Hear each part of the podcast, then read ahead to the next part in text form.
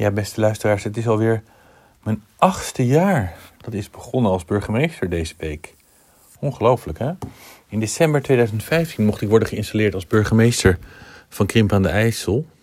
De elfde burgemeester alweer. Ja, of ja, ja pas. Elfde burgemeester pas. Gouderak bijvoorbeeld, dat ligt hier iets verderop aan de IJssel, is al aan de 25ste burgemeester toe.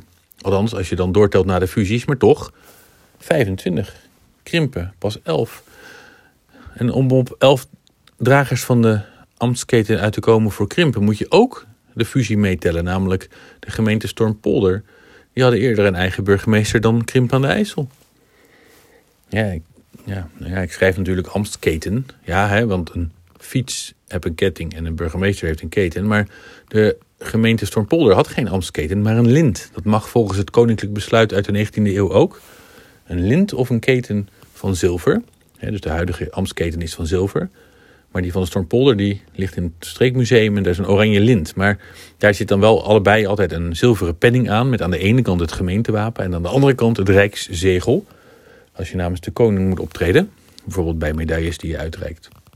En dat er pas tien mensen voor mij de ambtsketen mochten dragen. Het zegt iets over de zittingsduur van burgemeesters hier op dorp. Blijkbaar zijn er heel wat van mijn voorgangers behoorlijk lang gebleven. En ik snap dat. Krimp aan de IJssel, de ligging, door de mensen, de lokale geur en kleur. Stad en land, weiland en industrie, fietsen en file. Regionaal, lokaal, oud en jong, klein en groot, saai en gezellig. Het is bijzonder, Krimp aan de IJssel.